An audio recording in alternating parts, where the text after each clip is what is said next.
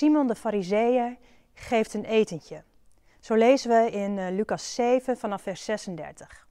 Nou, bij zo'n vroom man horen natuurlijk godvrezende gasten.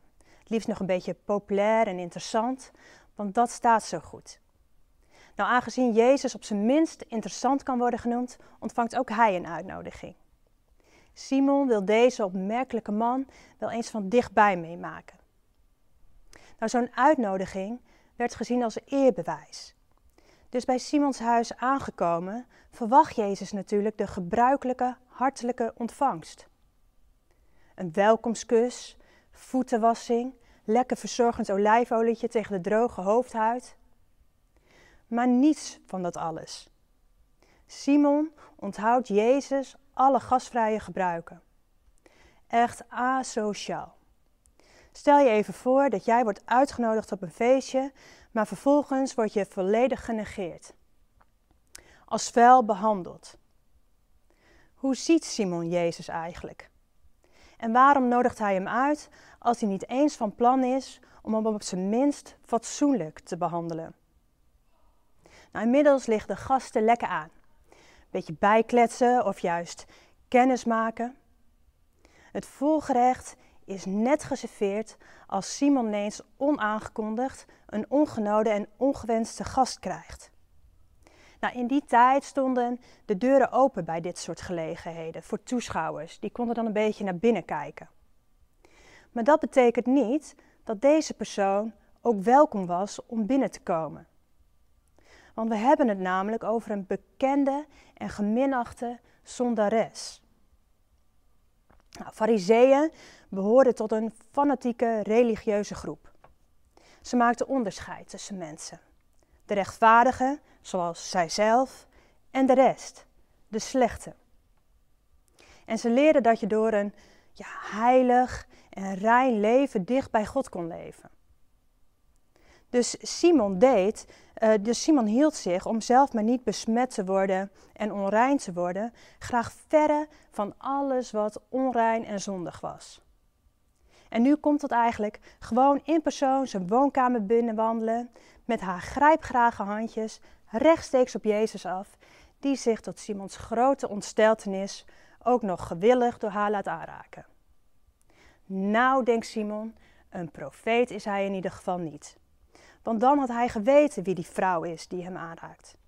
Dat ze een zondares is. Maar waarom wordt deze vrouw eigenlijk uh, niet buiten de deur gehouden? En al die tijd krijgen ze de kans om hun te verontreinigen. Deze vrouw weet zelf ook wel hoe ze bekend staat. Dat ze daar niet gewild is, dat er op haar neergekeken wordt. Maar daar laat ze zich niet door tegenhouden. En ook niet door het feit dat ze daadwerkelijk ook nogal zondig is. Nee, schaamteloos vrij stapt ze dat huis binnen zo op Jezus af. En ze heeft er volle aandacht, want het is nogal een vertoning. Alles wat Simon Jezus had onthouden, geeft zij Jezus wel. En meer. Huilend kust ze niet zijn hoofd, maar zijn voeten. En ze was ze met haar tranen. En ze zalf ze met een hele dure olie die ze van huis heeft meegenomen. En ze droogt de voeten van Jezus met haar haren. Maar daar moesten haar haren wel voor loshangen. En dat was echt ongehoord. In die tijd had je alleen, mocht je alleen losse haren hebben als vrouw in de intimiteit van de slaapkamer. En nu verschijnt ze dus feitelijk poedeltje naakt voor iedereen zichtbaar bij Jezus. Wat bezielt haar eigenlijk? Die Simon compleet in de war. Geen profeet, dus wie is Jezus dan? Ken jij dat? Je hebt een bepaald beeld van Jezus. Misschien ken jij hem als profeet, dus je vroeg hem om woorden van leven die jouw richting zouden geven. Maar hij blijft stil. Je kent hem als trooster, dus je vroeg hem om jouw verdriet te verzachten. Maar de pijn blijft. Ik ken hem als geneesheer maar mijn fysieke genezing blijft uit. Wat blijft er over van jouw beeld van Jezus als Hij niet doet wat jij zo verwacht of verlangt? En met welke reden nodig jij Hem eigenlijk uit? Doe je dat vooral net als Simon, als je eigenlijk wil dat Hij zich in een bepaalde situatie op een bepaalde manier aan jou bewijst? Doe jij moeite om in Zijn nabijheid te zijn? Geef je helemaal met alles wat je hebt, net zoals deze vrouw, simpelweg uit liefde voor Hem? Of moet je bekennen dat je Hem eigenlijk vaak vooral negeert? Hoe gasvrij ben jij? Ik las eens over een zendelingsechtpaar die uh, ja, prostituees mee begon te nemen naar een plaatselijke gemeente. Zo tof. Want dat is het hart van evangelisatie. Maar op een dag kwamen ze aan bij de kerk en de deuren waren gesloten. De gemeenteleden hadden een nieuwe locatie gezocht vanwege deze prostituees. Ze waren bang voor, ja, voor wat? En ineens bleek de kerk als het huis van Simon. Je bent welkom zolang je het volgens ons goed genoeg doet. Nou, ook voor ons is het best moeilijk toch om heilig te leven in een wereld vol zonde en verleiding. Dus we sluiten de deuren voor mensen die niet in ons straatje passen en zijn alleen toegankelijk voor de ons geschikt verklaard publiek. Zodat wij niet besmet worden of zo? Of is het toch omdat we ons soms beter voelen dan een ander? Simon dacht dat hij beter was dan deze vrouw.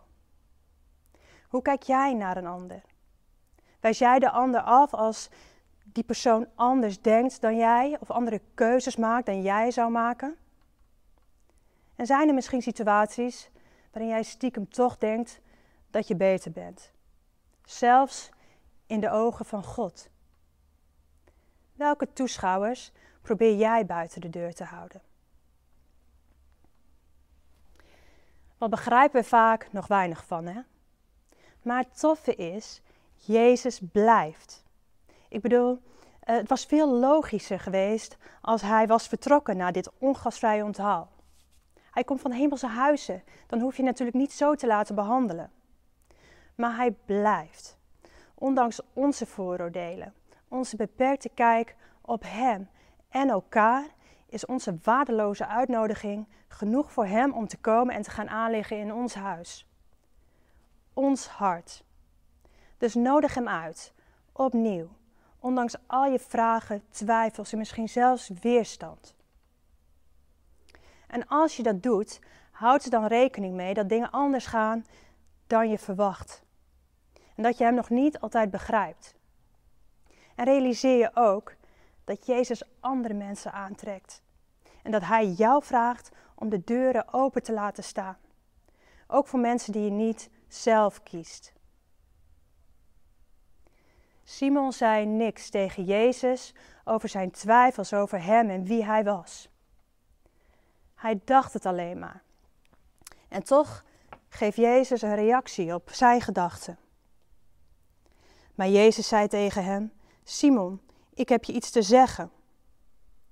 Meester, spreek, zei hij. Jezus weet wat Simon denkt. Jezus weet wat jij denkt. Hij weet precies wat jou in de weg zit, welke tradities, welke wettische leer, welke angsten.